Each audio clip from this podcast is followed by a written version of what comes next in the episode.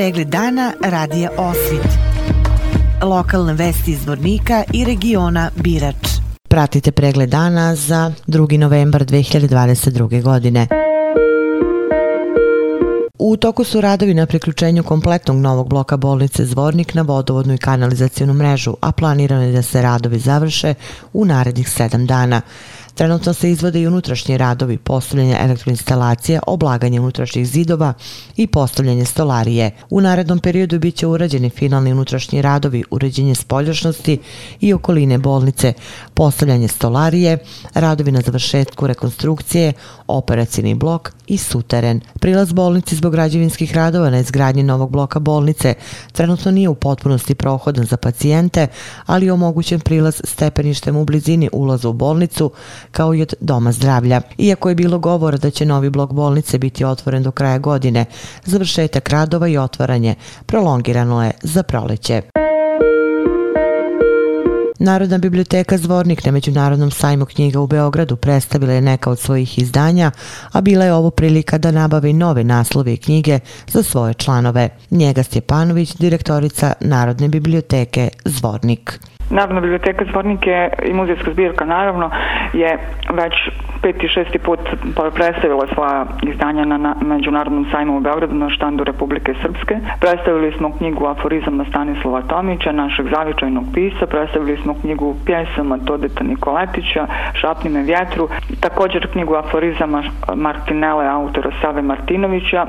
Predstavili smo naravno i monografiju 100 godina školstva u Zvorniku, čije su izdavač Narodna biblioteka biblioteka Zvornik sa srednjom stručnom školom Petar Kočić iz Zvornika i brojna druga izdanja koja je biblioteka uradila u su izdavaštvu sa izdavačkom kućom Liberland u Beogradu. Imali smo nekih eh, 8-9 autora koje smo predstavili na Međunarodnom sajmu knjiga u Beogradu. Posjeta je bila izvanredna. Svakoj našoj promociji prisustvovalo je, kažem, negdje oko 60 ljudi, što je kada su sajamske promocije u pitanju izuzetna, izuzetna posjeta i ja sam što se toga tiče jako zadovoljna. Naravno ne predstavljamo mi samo knjige, mi predstavljamo na sajmu knjiga, mi predstavljamo samim tim i Narodnu biblioteku i muzejsku zbirku zvornika, ali predstavljamo i naš grad. Narodna biblioteka kao i svake godine kada bude sajma, nažalost prethodnih dvije godine nije bilo. Ove godine smo nabavili nešto više od 200 knjiga u vrijednosti nekih 3000 maraka. Mada mi smo u kontinuitetu naravno nabavljali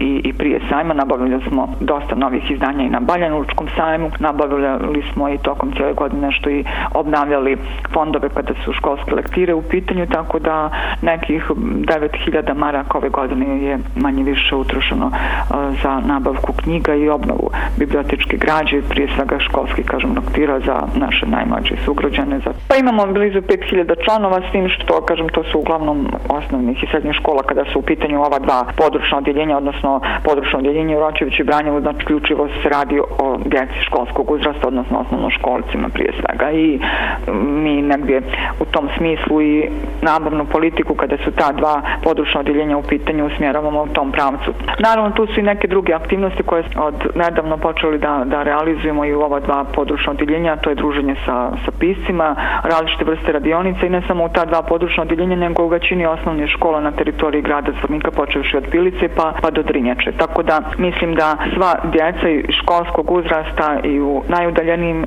našim mjestima na teritoriji grada zaslužuju da imaju programe koje organizujemo za naše najmlađe u, u ovom centralnom odjeljenju, odnosno u Narodnoj biblioteci u Zvorniku.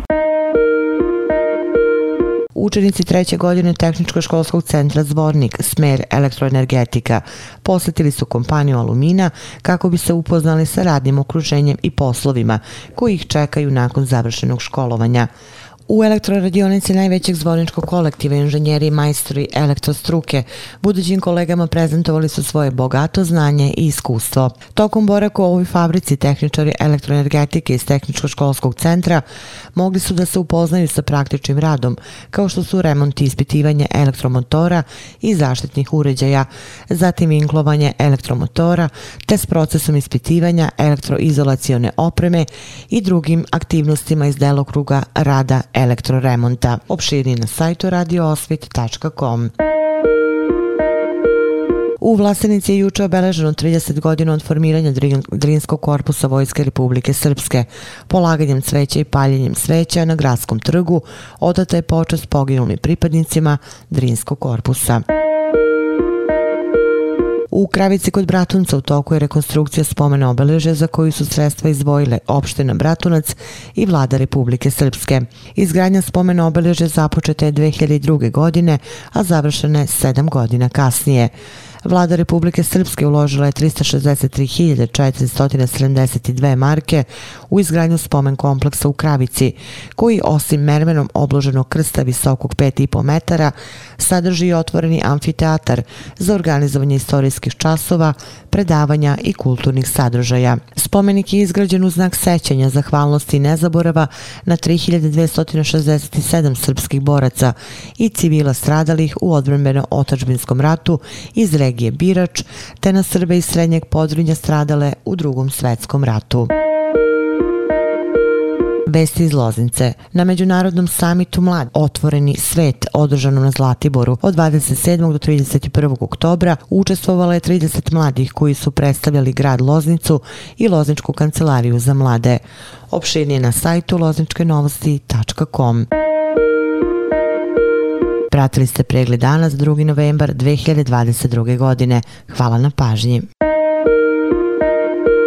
Pregled dana radija Osvit lokalne vesti iz Vornika i regiona Birač.